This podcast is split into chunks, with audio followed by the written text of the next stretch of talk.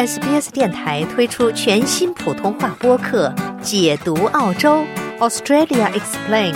在这里，你可以轻松欢快的了解有关澳洲的有趣知识。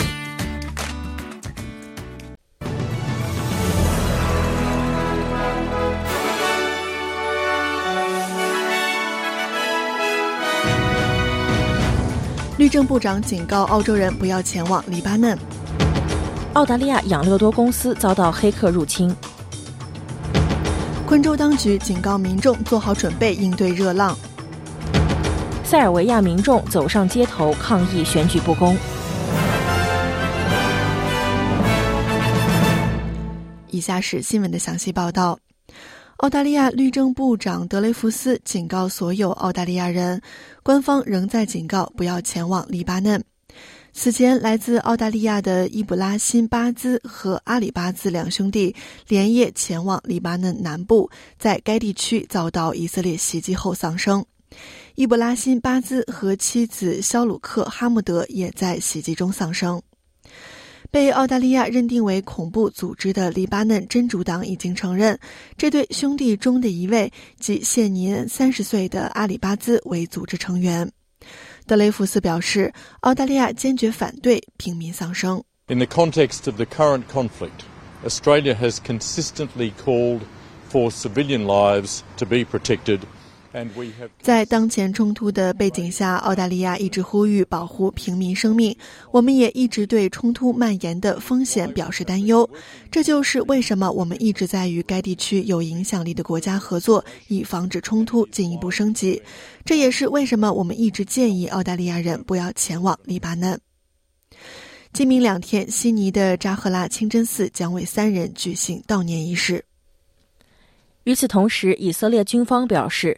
他对在难民营给无关平民造成的伤害感到遗憾。一名军方官员告诉以色列广播公司 Can News，袭击中使用了错误的武器，并造成了广泛的附带损害。十二月二十四日，以色列对位于加沙地带中心的马加奇难民营的空袭造成至少八十六人死亡。哈马斯管理的卫生部称。在过去二十四小时内，已有二百一十名巴勒斯坦人在以色列的空袭中丧生。联合国警告说，约旦河西岸的局势正在迅速恶化，并呼吁以色列停止对巴勒斯坦人进行所谓的非法杀戮。益生菌饮品公司澳大利亚养乐多成为网络攻击的最新受害者。黑客进入了该公司的网络，并在暗网上公布了密码等敏感的员工信息。澳大利亚养乐多公司已在其网站上发表声明，确认其澳大利亚和新西兰的 IT 系统都已经成为这次攻击的受害者。声明中还表示，公司目前正在与网络安全专家合作，调查损失程度以及有多少记录在攻击中被盗。这是一系列针对澳大利亚知名企业如 Optus、Medibank 和 Latitude 网络攻击中的最新一起。联邦政府已经加强了应对此类事件的措施。澳大利亚信息专员正在调查社交媒体巨头 TikTok，审查其处理个人数据的方式。这是在有指控称 TikTok 未经同意从甚至未安装该应用的人那里获取数据之后进行的调查。这些指控涉及使用一种称为像素的跟踪工具，以收集互联网历史和个人信息在内的数据，并从没有安装 TikTok 应用程序的人那里获取信息。自圣诞节以来，昆士兰东南部的暴风雨和山洪已经导致七人丧生，但现在当局已经警告各家各户做好应对热浪的准备。超过十二万户家庭和企业在极端降雨、闪电和大风期间断电。昆士兰州能源部长德布伦尼表示，自周一和周二史无前例的暴风雨以来，百分之六十三的停电用户现已恢复供电。德布伦尼表示，他们正在执行该州的能源恢复计划。Uh, what it outlines is that by the evening uh, of the 30th of December, that we aim to have 80%计划称，十二月三十日晚上，我们的目标是让整个受影响地区百分之八十的家庭和企业恢复供电。到新年前夜结束时，也就是到今年的十二月三十一日结束时，我们的目标是恢复百分之九十的电力供应。与此同时，联邦灾害与应急管理部部长瓦特表示，在各州和领地为热浪做好准备之际，居民应该留意相关的警告。We're only just beginning summer. Uh, we're likely to see other extreme weather over the coming weeks and months. So please stay across those warnings because it could just. 我们的夏天才刚刚开始，在未来几周和几个月内，我们还可能会看到其他的极端天气，所以请时刻关注这些警告，因为它可能会挽救您的生命。在南澳大利亚州约克半岛的一处偏僻海滩上，一名十几岁的男孩遭鲨鱼袭击死亡。当地时间昨天下午一点三十分，警方接到报告称，伊尼斯国家公园附近的埃塞尔海滩有人遭到鲨鱼袭击。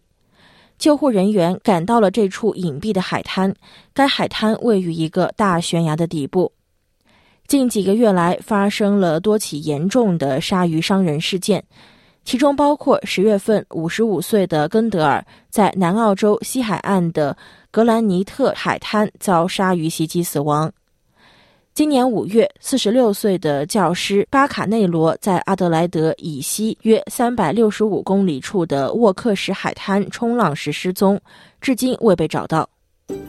您正在收听的是 SBS 中文普通话节目。听众朋友，欢迎您继续收听 SBS 电台的新闻报道。接下来，我们来关注一下其他方面的消息。一名两岁女童在新南威尔士州北部一处后院游泳池溺水后不幸身亡。十二月二十七日，紧急救援人员被叫到离利斯莫尔北部二十五公里处的一所住宅，发现家人正在对孩子进行心肺复苏。女童被送往利斯莫尔基地医院，但未能苏醒。根据澳大利亚皇家救生协会统计的官方数据，截止到十二月二十八日，自十二月初以来已有三十人死亡，而去年同期为二十四人。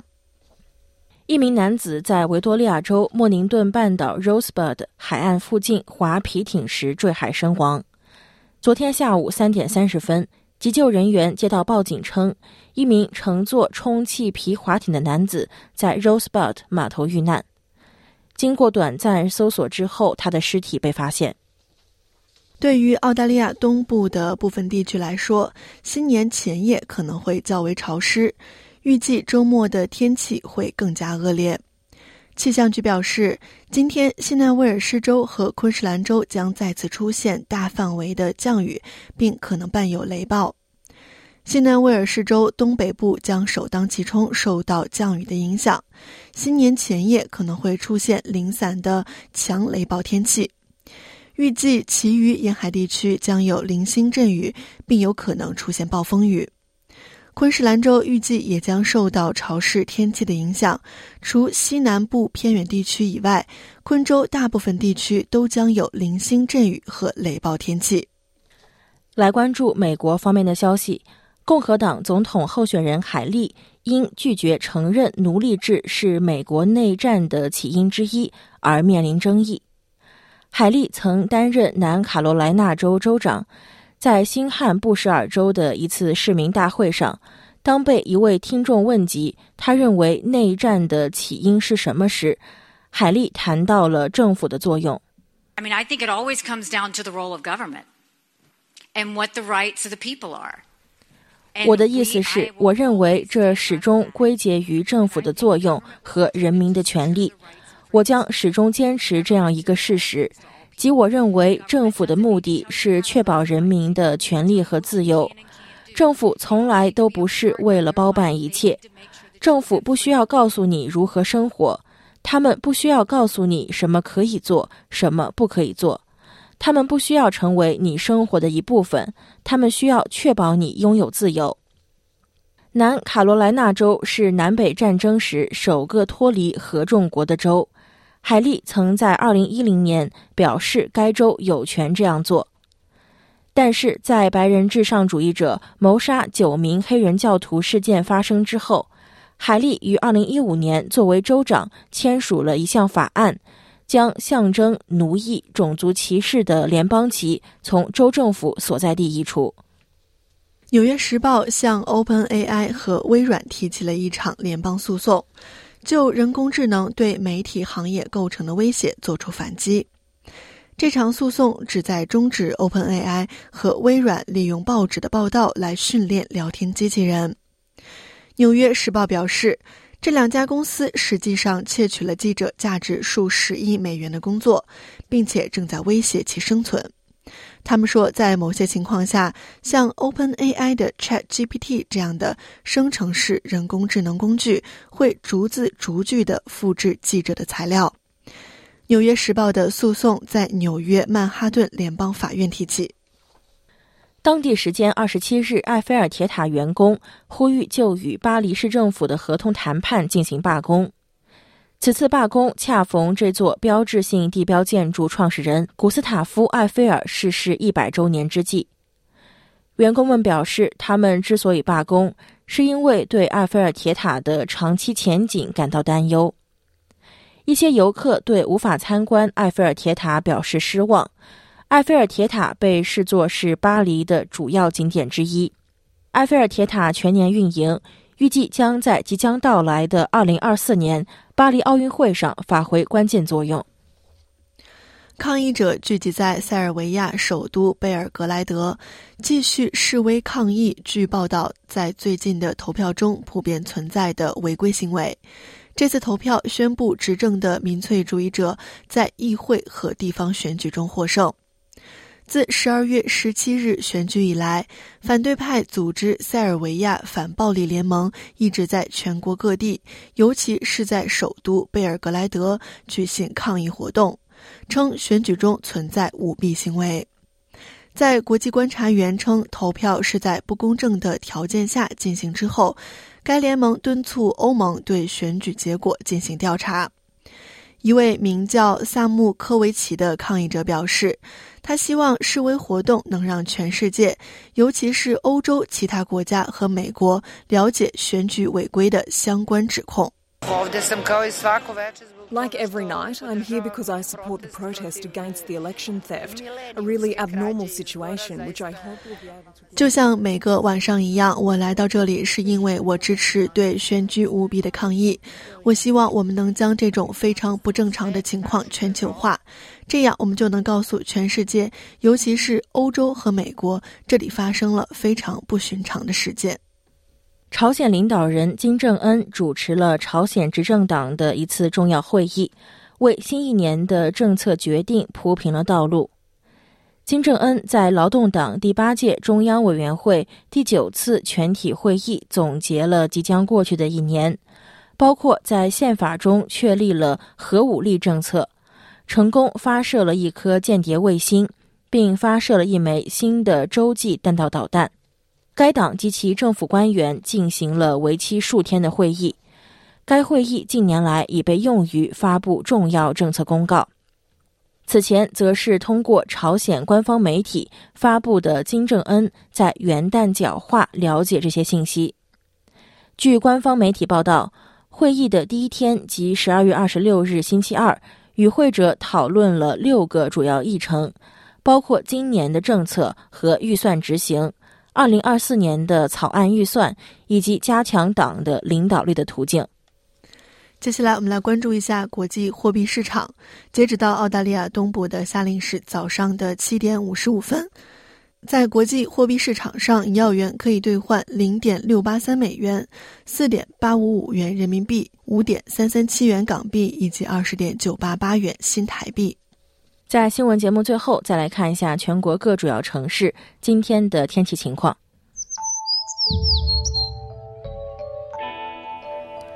悉尼时有阵雨，最高温度二十七度；墨尔本多云见晴，最高温度二十度；布里斯班多云见晴，最高温度三十七度；堪培拉多云见晴，最高温度二十六度；阿德莱德多云见晴，最高温度二十六度。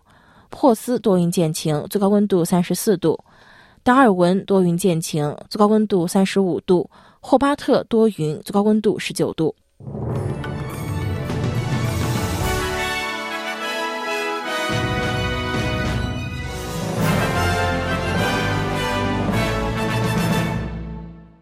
了解澳洲，融入澳洲，欢迎登录 sbs 点 com 点 au 前斜杠 language 前斜杠 mandarin，获取更多澳大利亚新闻和资讯。